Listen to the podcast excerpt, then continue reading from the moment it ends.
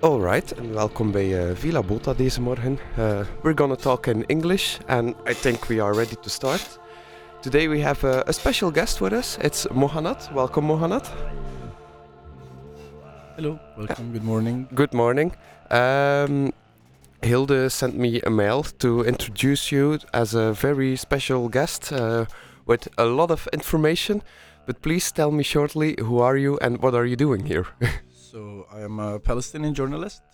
Um, I work on political journalism, like covering the news reports, and also I work as a sports commentator. This is Yep. my job, and I'm I'm an activist, a human rights activist. Um, um, part of an- an organization in Palestine in Hebron called uh, Youth Against Settlements.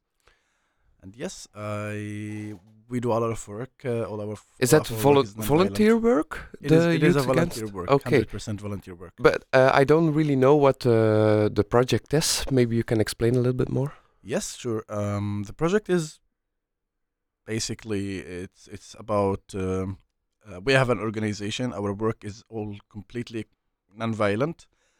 Uh, we use the popular resistance, popular struggle to defend our land. Um, our main work goes to about raising awareness about what's happening in Palestine. Yeah. and also about um, uh, showing the real image of the occupation to the rest of the world. So this is mainly our work. Uh, we do a lot. Of, we have a lot of campaigns. We work with families, uh, kids uh, who live near the settlements. Our headquarter is based inside of an area, which is uh, controlled by the Israeli army, and um it's full of settlements. So this area is surrounded by checkpoints, and the life of Palestinians there is really difficult. So we work the fam. We work with the families' kids. There. Uh, to maintain living Can, in their can you describe the, and- s- the situation, what is happening in Palestine, or what did happen Oh, for people who don't know? yeah, if they in, don't in know. Palestine, the situation is a little bit uh, difficult. Um, so there are settlements. We have occupation that is uh, stealing our land, history, and trying to to change the identity of the country, of uh, our cities. Um, so many violations are happening in in, in the country. Sorry, and uh, they steal Palestinian houses, Palestinian lands. They cut down olive trees. Uh, they shoot and kill Palestinians. Like uh, yesterday morning, they killed three Palestinians. One in Nablus, Balata refugee camp. They killed another Palestinian yesterday in um, Rahat. They killed another Palestinian in Qalandia refugee camp, which is based near near Jerusalem.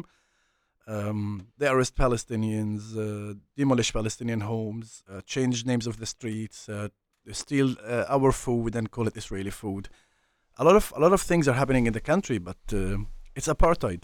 Uh, we have apartheid going on in Palestine in 2022. Yeah, I was going to ask how do people react in Palestine who are from Palestine to this situation? No, there are protests going on every day. There are the situation is, is never calm in Jerusalem. If if you follow the news, you find out that there are protests every day, clashes happening every day. People don't accept the, the current situation of the country. Uh, they don't accept the current uh, human rights violations in the country. So you would see protests going on every day.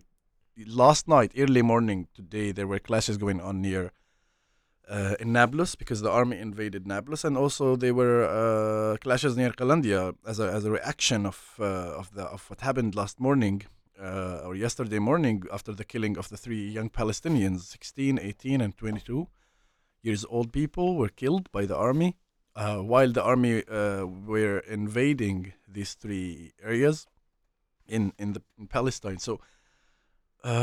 Uh, we have everyday's protests. Uh, the situation is never calm. It's uh, a lot of violations are happening daily, uh, or you know, daily invasions to the Palestinian houses at night, two in the morning, three in the morning. Somebody breaks your door and enters your home, threatening your children, threatening you with a gun.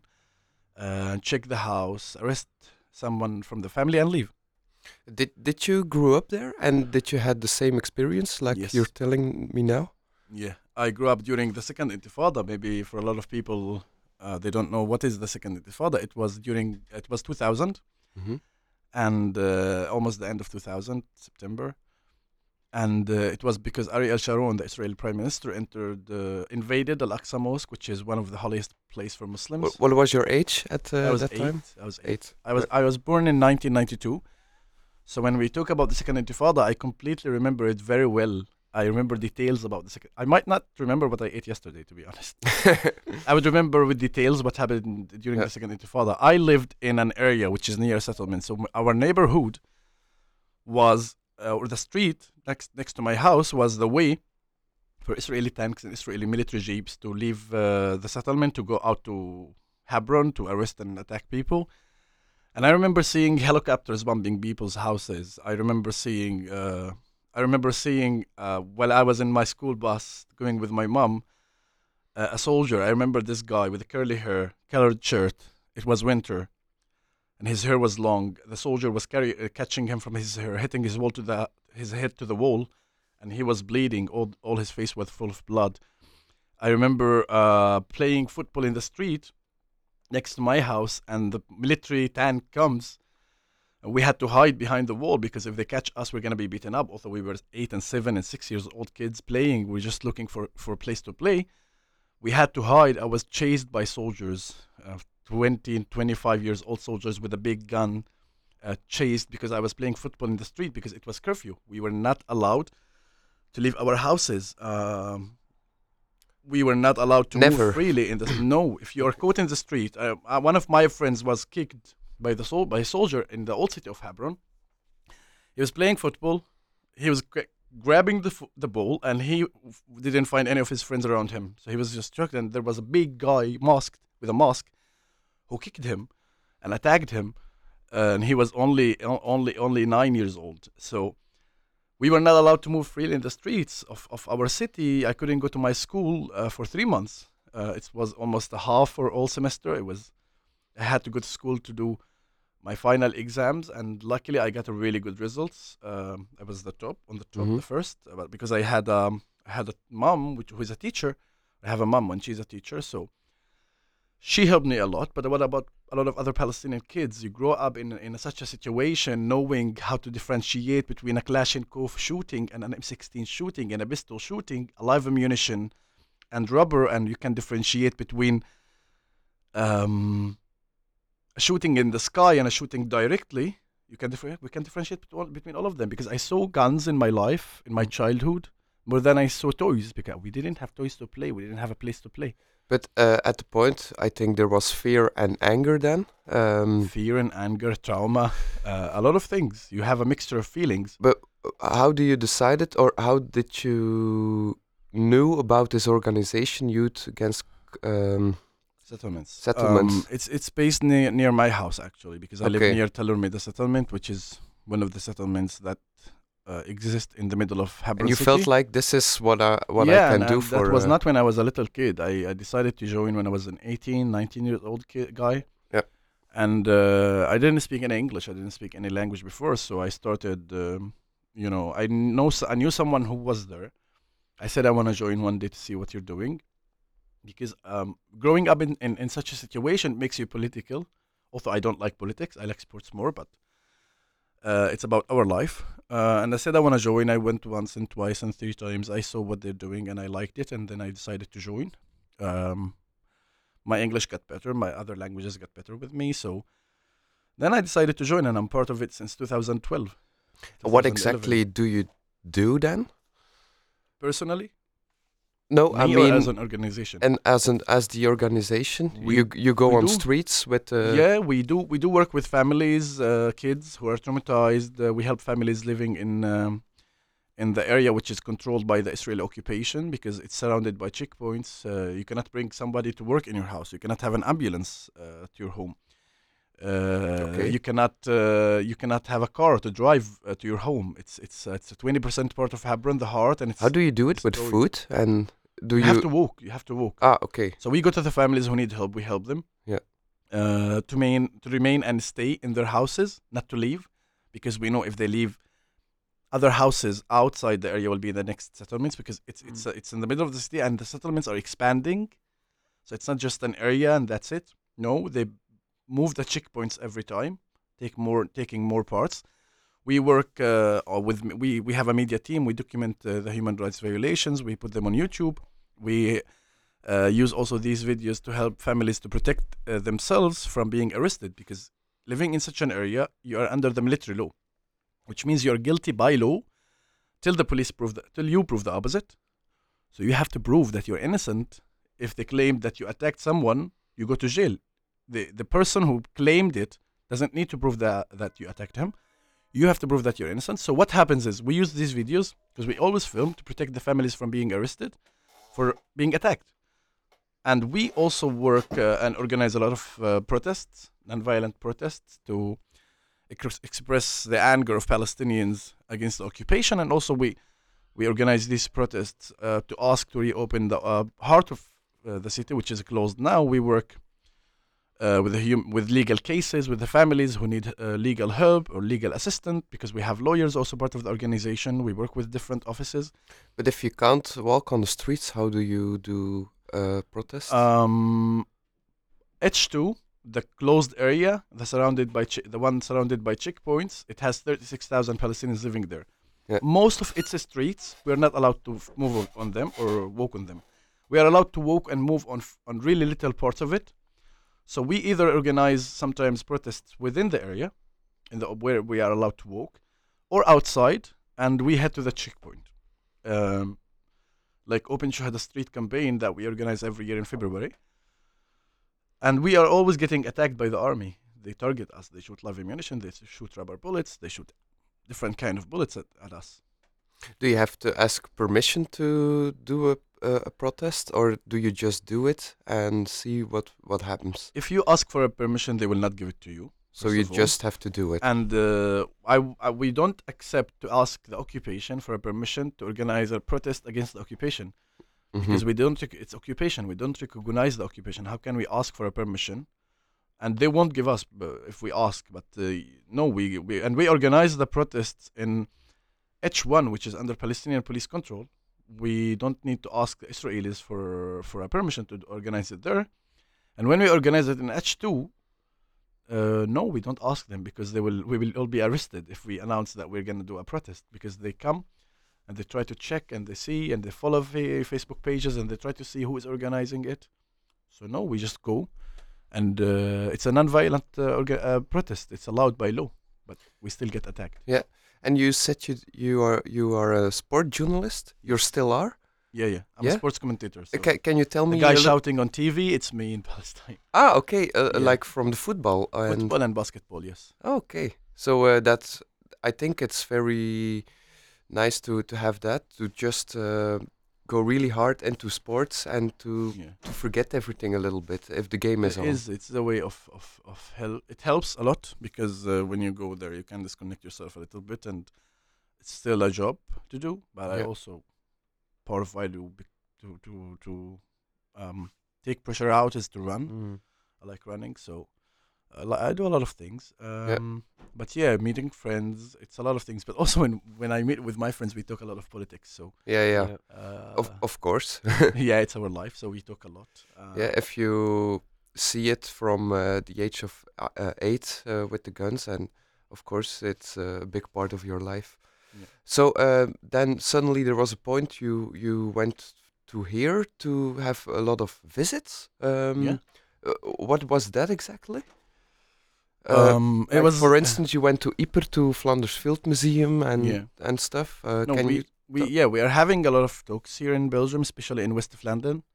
Uh, we spoke in Rosala, Roeselare, spoke in uh, Ypres. It was just a visit. Uh, spoke in Ostende, spoke in De Panne. Bad too, uh, different places. And it was uh, it was very important because it was in, in partnership with Broederlijk Delen. Yeah. Uh, so we organized this here. We spoke to students from schools, students from univer- university students or college students. We had public meetings with people, with activists too, uh, activists who do work uh, on different fields, not only politics, also climate, uh, different different kind of topics, uh, backgrounds. Uh, and we went went to Ypres. It was um it was a very important uh, visit because I didn't really know anything about Ypres, the history of Ypres. So it was very rich visit. Yeah. I learned a lot from that visit, and uh, it was amazing. Yeah, Did I, it uh, felt so- um, so museum- familiar? Yes. If you saw the pictures. Yes. Yeah. And it was uh, I I was try it was also connected to what's happening in Palestine because it's war and war, you know. but uh, when you see when you hear the stories of that people are still finding dead bodies until now from uh, different sides the graves uh, the pictures the what they used to do because you connected very much to palestine because you just witness this you see this you live you live this so you live in a war you come here and you s- study about the history of the country here and uh, especially west of london and you connected very much to palestine Yeah. I, I don't think uh, you connected with the temperature. Temperature, I think now in west of London, the weather is much, much better than in Palestine now. Oh, really? Okay. Yes. Because I, I looked up uh, Palestina nature It's, it's snowing now. and ah okay. I yeah, But, it's uh, uh, this is like, uh, this is uh, in general, in general, no. Weather in Palestine is uh, warmer. Even in winter, it's a little bit uh, better than here. yeah. But so far, I I actually came to here and it started to be sunny, so I didn't really witness any that cold that I would complain about. So it was fine. In Palestine, it's colder. It's zero or minus two now. Yeah, okay. Uh, well, uh, yesterday I talked with a friend who is a photographer, and he went to Palestina to um, to documentate a little bit uh, about it. And I was thinking, like, okay, if he could go, uh, are other people also going, like, just on holidays and vacations, or is that Yes, uh, possible? Yeah, yeah, it's possible. Uh, a lot of people come for different reasons. Some some people want to come and understand what's going on in the country uh, from a political background. They some people come for religious reasons because they want to visit the, the Nativity Church in Bethlehem. They want to visit um other churches in Palestine. Mm-hmm. We have a church in Hebron, it's, which is very old. Um, some people come for uh, just you know uh, just for vacations. But most of people who come, they come to see what's happening in, in the country. And a lot of people also come for religious reasons uh, to come to the Nativity Church, to Bethlehem. They go to Nazareth, Nazareth, uh, which we call in Arabic Nasre. Uh, different reasons. We have a lot of people coming, but with COVID, it was a little bit difficult. No one came. It was Yeah. really empty. No tourists. Just like Brua, no Mm. tourists Yeah. Yeah, yeah. during COVID. Uh, even people were not allowed to move. There were Now there were still tourists here. Ah, okay. Yeah.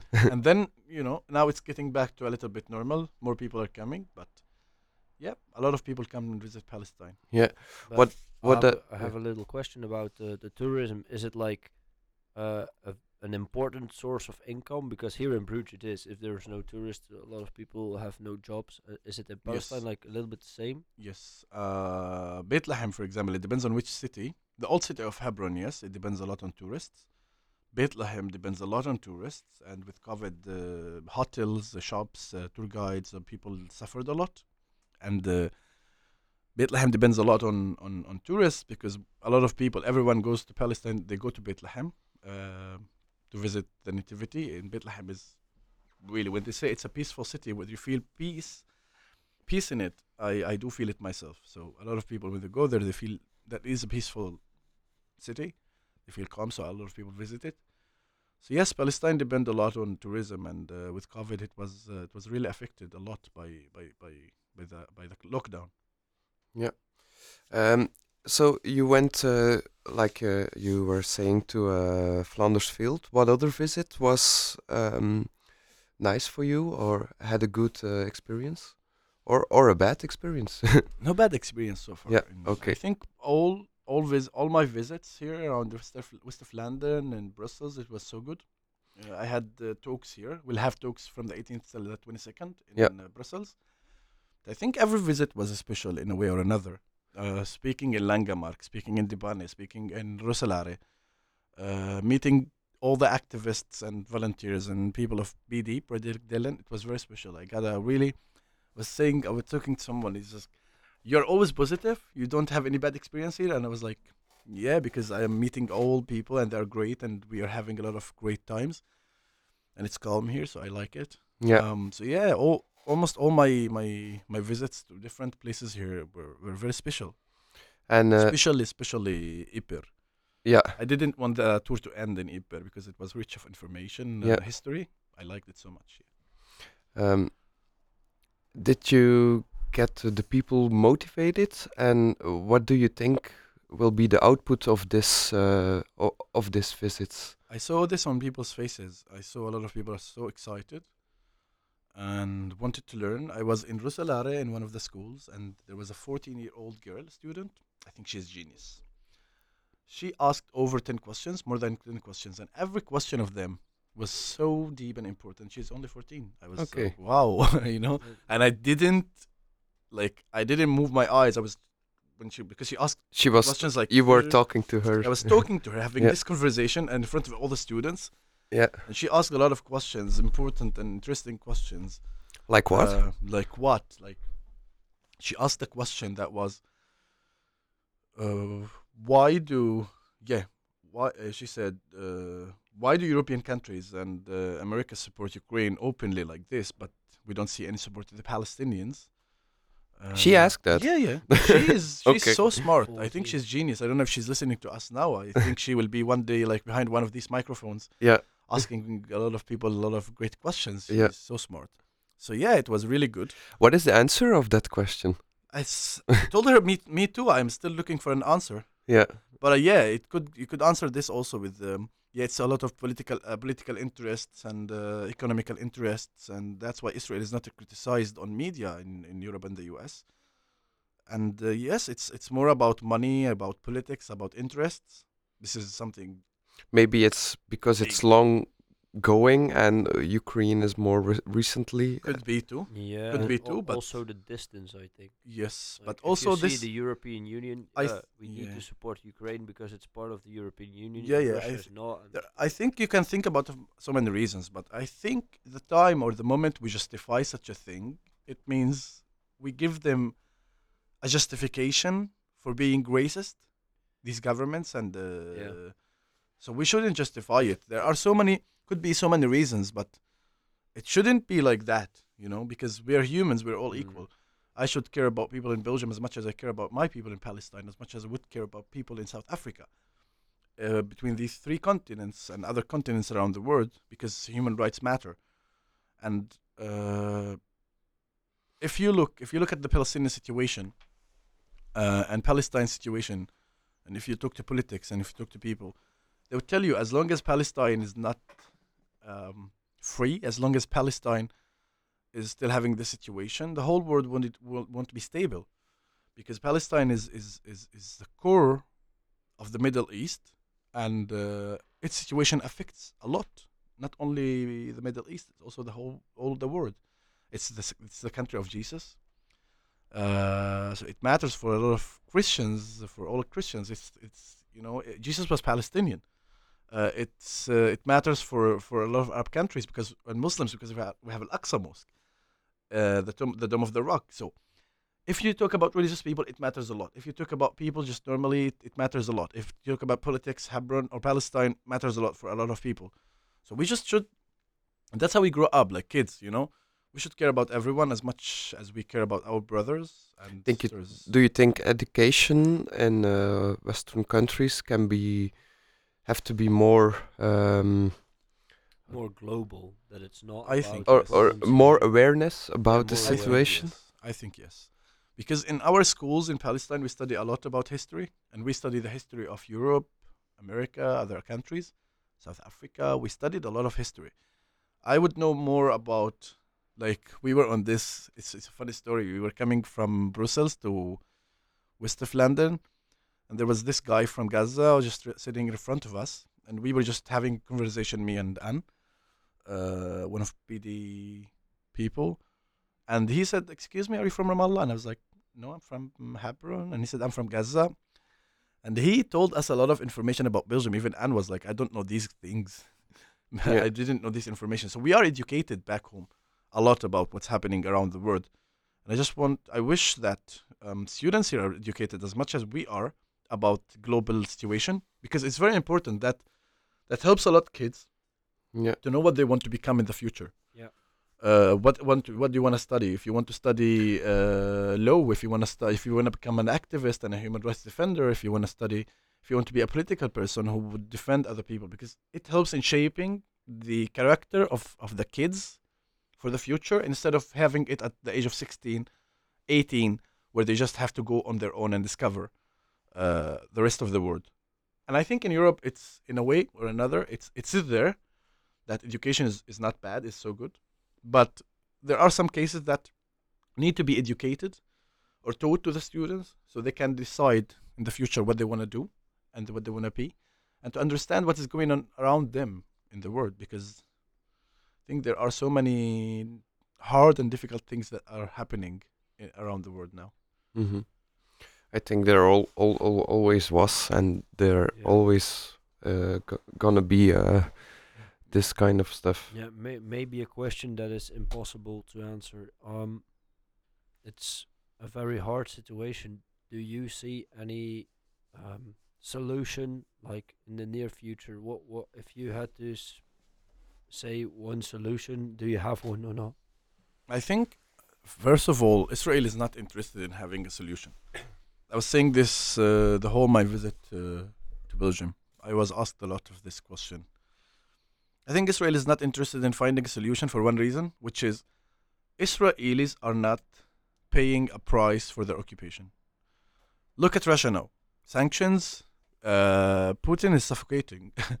uh, Roman Abramovich, the owner of Chelsea, he is not even even able to move now because uh, countries are refusing to, to to host him because he's a friend of Putin.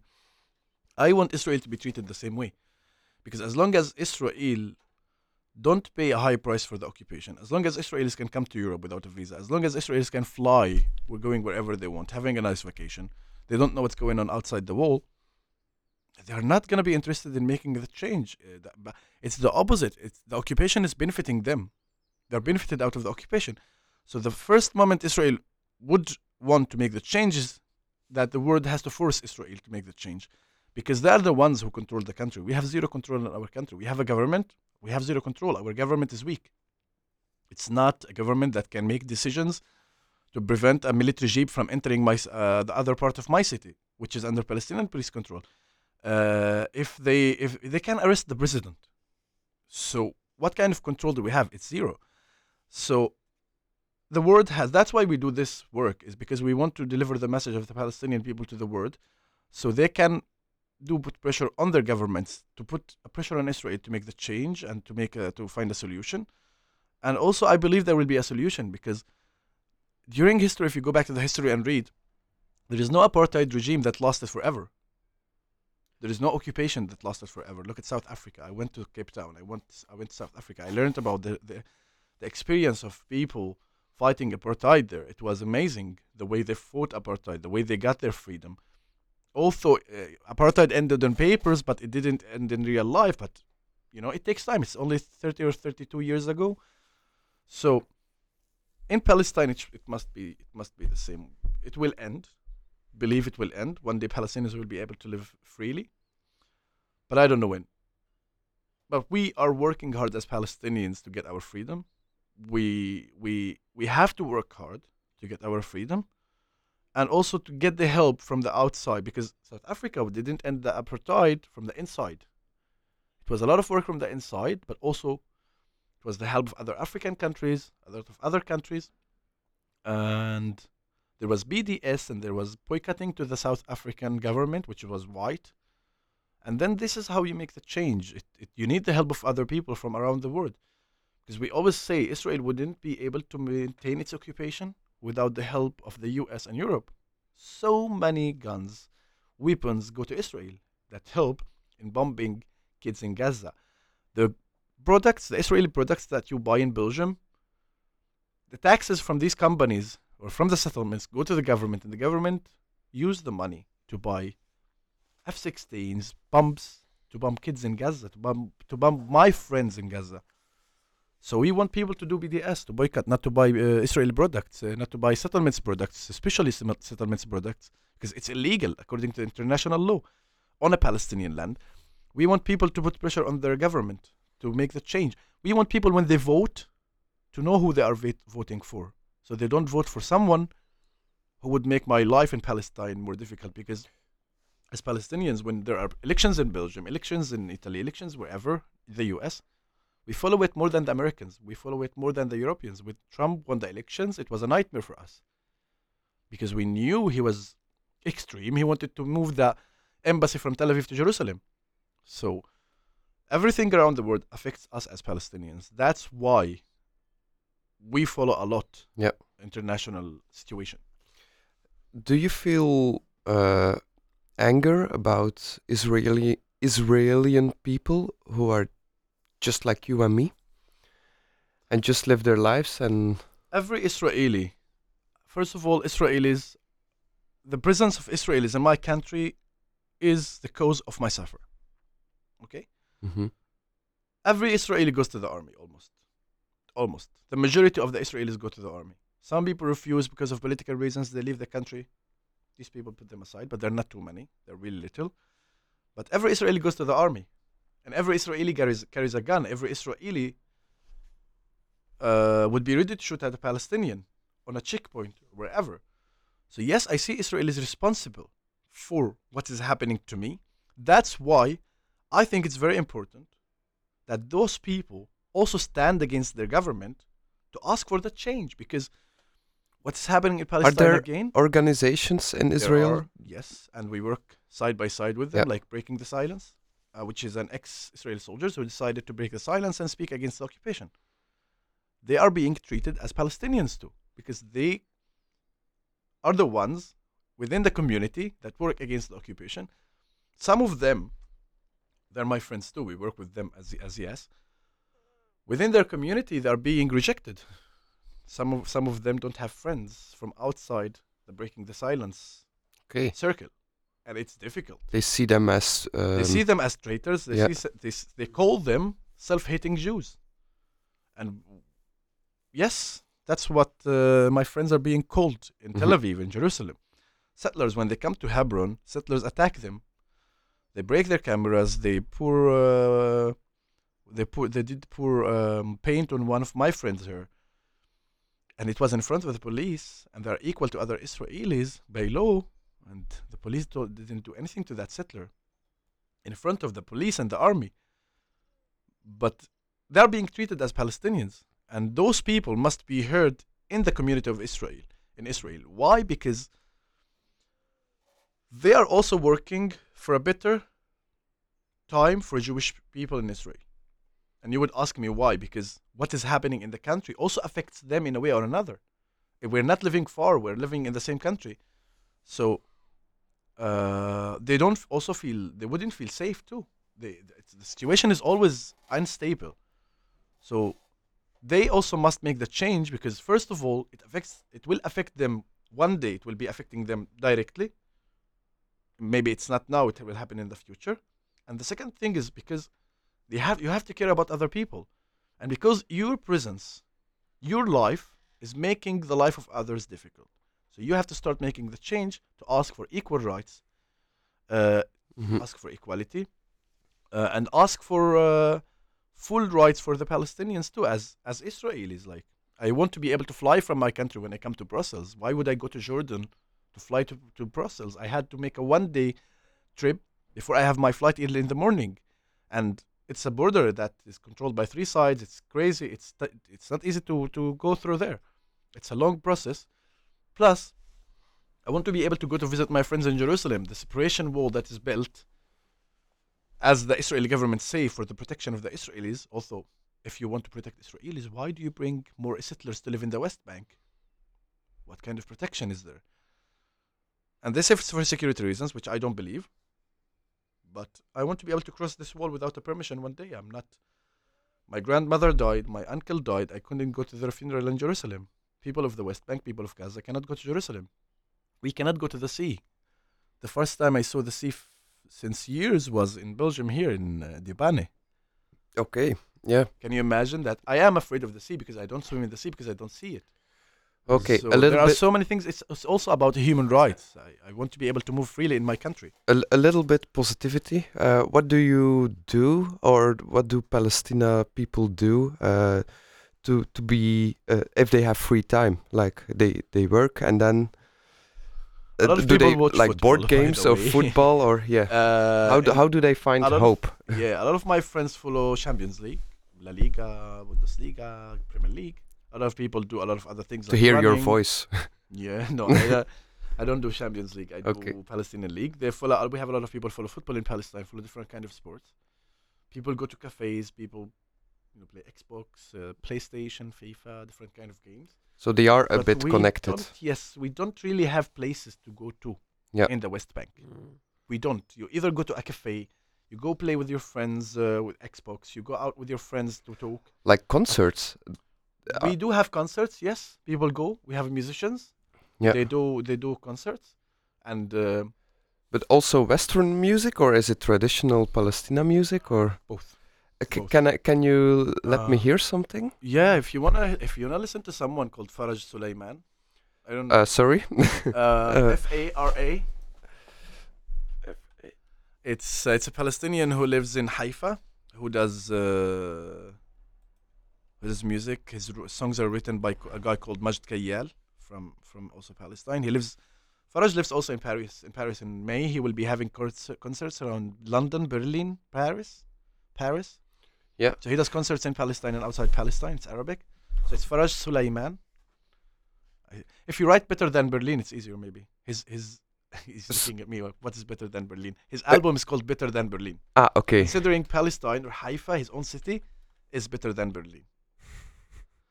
And the the album is is a bit uh, is nice because the way he writes the songs are, it's like talking to his ex, calling her, and it's one of the songs is called uh, "Questions on My Mind," and he asks her about things in the city.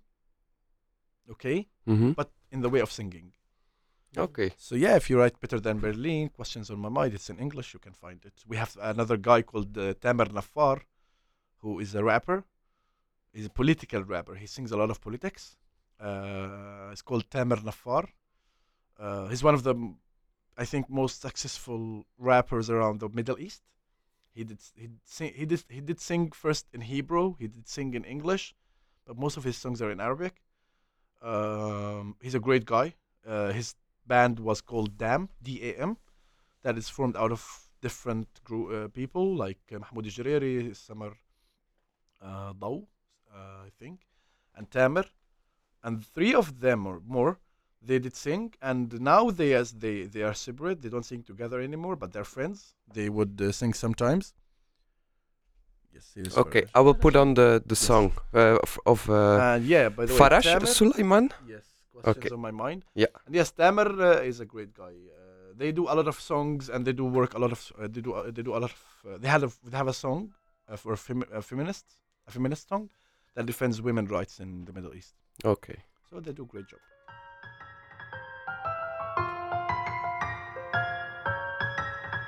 في أسئلة براسي عنك عن الحارة عن كيف مرق الوقت عن شو عملتي عالسكت إذا جد نشف الوادي إذا بقيت حجارة. في أسئلة براسي عنك عن الحارة عن كيف مرق الوقت عن شو عملتي عالسكت إذا جد نشف الوادي إذا بقيت حجارة شوي بتوجع برلين حلوة وملانة ناس بس بشتاق لأم صبري وبشتاق لك أنت بالأساس. شوي بتوجع برلين حلوة وملانة ناس بس بشتاق لأم صبري وبشتاق لك بالأساس.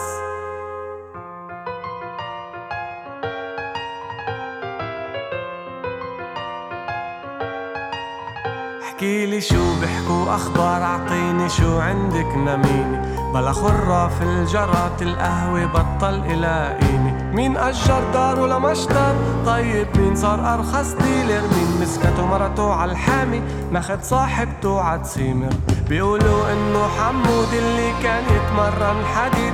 محبوس من شي سنتين قال سارق فرع البريد؟ طب بعده عاطف بالعمار. بعده ما هدو التعب بعده كل ليل البوليس بتمنيك عولاد العرب. بعده ما كلنا الغضب بعدها الطوش مع الروس بعدها كل الحارة بتبكي كل ما كان طلعت عروس.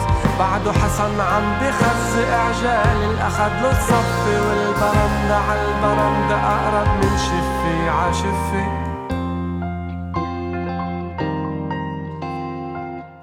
All He makes me calm. I like this guy. Yeah. I- think he needs to pay me in a way or another because I'm doing a lot of promoting for him around my friends.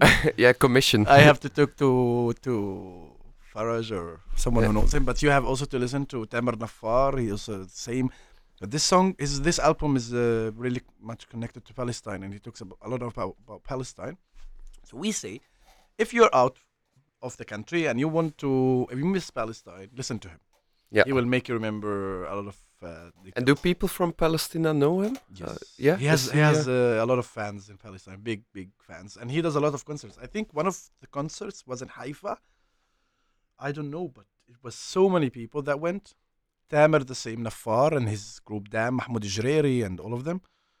Um, a lot of other Palestinian singers. We have Muhammad Assaf, we have uh, Yaqub Shaheen, we have we have a lot, a lot of other Palestinian singers that do concerts, but especially with Tamer, Nafar, with uh, Dam, Jreri, and with uh, this guy Faraj and the guy who wrote his songs, uh, Majd Kayal, who is a friend of him. They do sing a lot about about Palestine, and uh, that's what I like because they just uh, tell about a lot of things that happening in in Palestine with the songs, and it's so good. It's just uh, really amazing that to deliver the message message of Palestinians uh, using music, and it's modern music, so it's it's it's really great.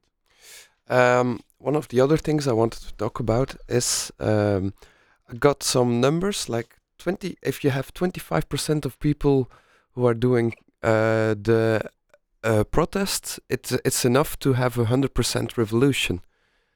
It's uh, an article uh, It's of From BD, our core, me- core message. yeah. Yeah, it's yeah. not not about protest, but if yeah, I think do you, do you think that's true or I think it's it's true. Yes, that means you're getting quarter of the community working, and that helps also in making more people interested, because if it's a quarter of the community, then it's gonna reach a lot of other people around. That means more people are gonna join. Yeah. Uh, and you would you would make the change. So I I do yes believe in in that, and uh, I believe that it can easily or can spread the idea easier, so more people would join. And um, if you could tell us what, what we can do or what uh, young people can do here uh, to make your lives a little bit more better, uh, what what would it be? I think the, one of the most important things to do is to come and visit Palestine before you even decide what where you want to be, on which side you want to be. Just come and visit the country. Um, go to Hebron, go to Bethlehem, go to Ramallah, go to Nablus, go to meet uh, Palestinians who are living in 48 in uh, in Haifa, Jaffa, and talk to them, talk to people.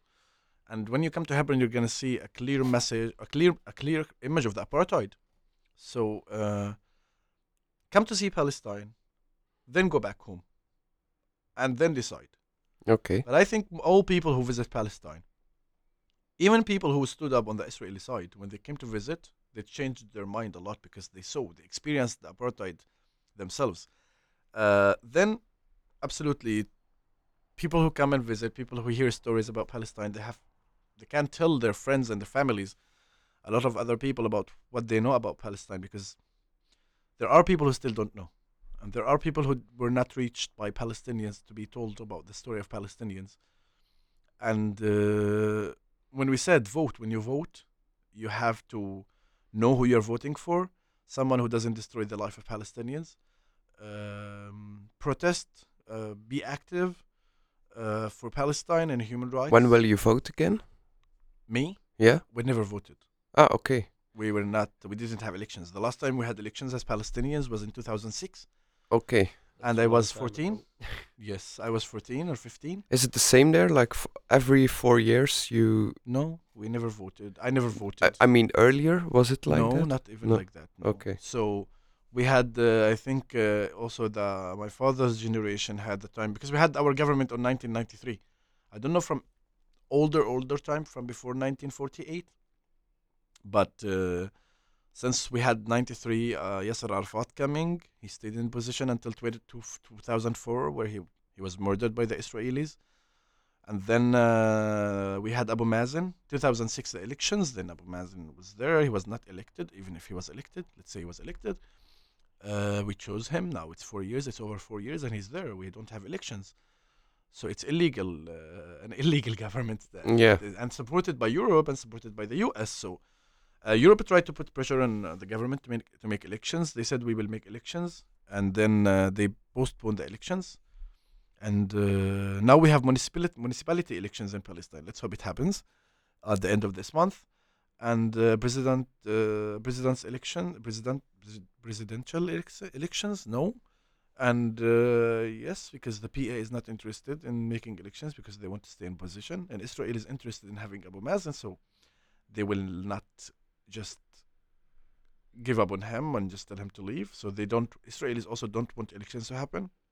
They don't want Palestinian to choo- Palestinian people to choose. So let's hope I we vote before I'm 40 or 50. okay. Um, do you have some other visits left now, or? Yes, uh, we'll have few more visits around west of London. We'll be back uh, to Brussels on the 18th. It, yeah. uh, couple of the days. 22nd, and uh, and then you fly back, and I'm going around yeah. before, but in April, beginning of April, I'm I'm going back to Palestine. Okay, and then you are see the occupation. yeah, and uh, and then you uh, um, who is gonna win the Palestina League? Ooh, now so far it's uh, it's a team from Hebron called Shabab Al Khalil. They have big big fans and they have a big team. Uh, so far they are on the top. Yeah. and uh, it's only a few rounds left to the end. So they won their last game 1-0. So let's see. I think they are very close to win, but they have another rival from Jerusalem called Jabal Al Mukabbar, which is also following and putting a lot of pressure on them. So let's see. It seems to be Shabab Al Khalil winning because so far they are on the top. They have a good team. They play. They win. They know how to win games. And uh, is it your favorite team? I can't tell. Uh, it's difficult to thought so. say. it's, uh, it's difficult to say, but uh, no, because I have friends from all the teams playing, I, I do respect them. Yeah. Uh, but Shabab Al Khalil, this team won the league last year too, last season. So they will play in May in uh, the Asian competition for clubs, and uh, we'll hope that they do well. Plus, we have another team called Hilal Al Quds from Jerusalem too, will be also representing Palestine in the continent. Let's wish them. Um, I want to wish them a good luck. Uh, wish Jabal Al Mukabbar a good luck if they don't win the cup this uh, or the championship this season. That they win it soon because they are a great uh, also team and great fans. And yes, I have a really good relationship to all the players from different teams, so it's hard to just wish that this team wins or the other team wins Yeah. because you're. I'm sure they're listening. Yeah, could be. okay, thank you very much. I don't know if you you have any more hosting me today. questions. Um, not really. No, it was very interesting. yeah, very thank you for uh, No, for thank this. you for hosting me today. It was Yeah. very interesting, and uh, yeah. Okay, bye bye.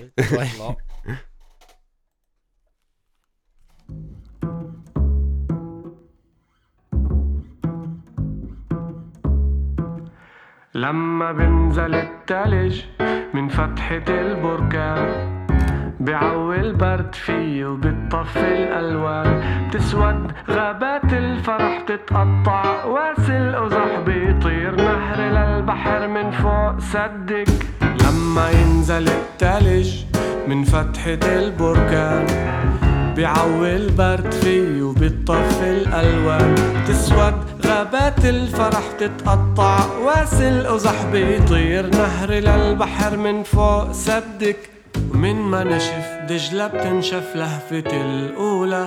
من الشامي عخدك لما ينزل التلج من فتحة البركان بعوي البرد فيه وبتطفي الألوان. بولد فيلي من الضباب بركض هارب من سراب بسمع بصحراء الصمت صبار ردك.